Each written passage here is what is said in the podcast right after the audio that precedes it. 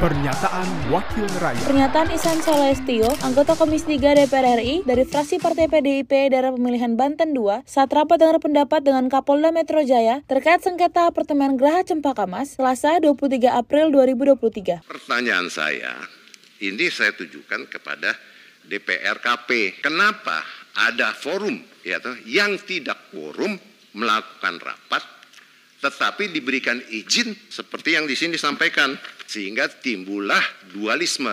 Ini DPR KP nih, karena kenapa memberikan izin ini gitu. Apa yang disampaikan Pak Dirkrimum tadi, kalau ini tidak diberikan izin, tidak ada terjadi dualisme. Nah, kenapa selamanya saya kasih tahu, mohon maaf saya bukan menjelekan apartemen, tetapi kalau tinggal di apartemen itu tidak pernah lebih murah daripada tinggal di landed house. Karena ada apa? Ada biaya milik bersama yang harus ditanggung oleh bersama. Contohnya, listrik itu, apa lift itu kan tidak dibayar oleh penghuni, tapi dibayar oleh pengelola. Nah, pengelola ini adalah mereka yang mengumpulkan uang dari penghuni-penghuni itu dan membayar kepada PLN. Nah di sinilah letaknya bahwa penghuni itu pasti bayarnya lebih mahal. Listrik di koridor-koridor, listrik di taman. Siapa yang bayar? Kan itu dari pihak penghuni. Nah, di sinilah masuk NPP, nilai pemilihan proporsional. Membagi ongkos itu semua sesuai dengan NPP tersebut. Kalau itu dihitung ke per KWH-nya akan jadi lebih mahal. Nah, jadi tolong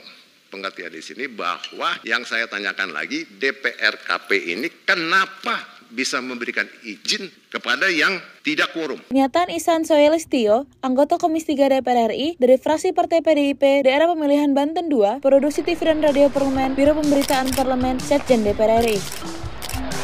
Pernyataan Wakil Rakyat.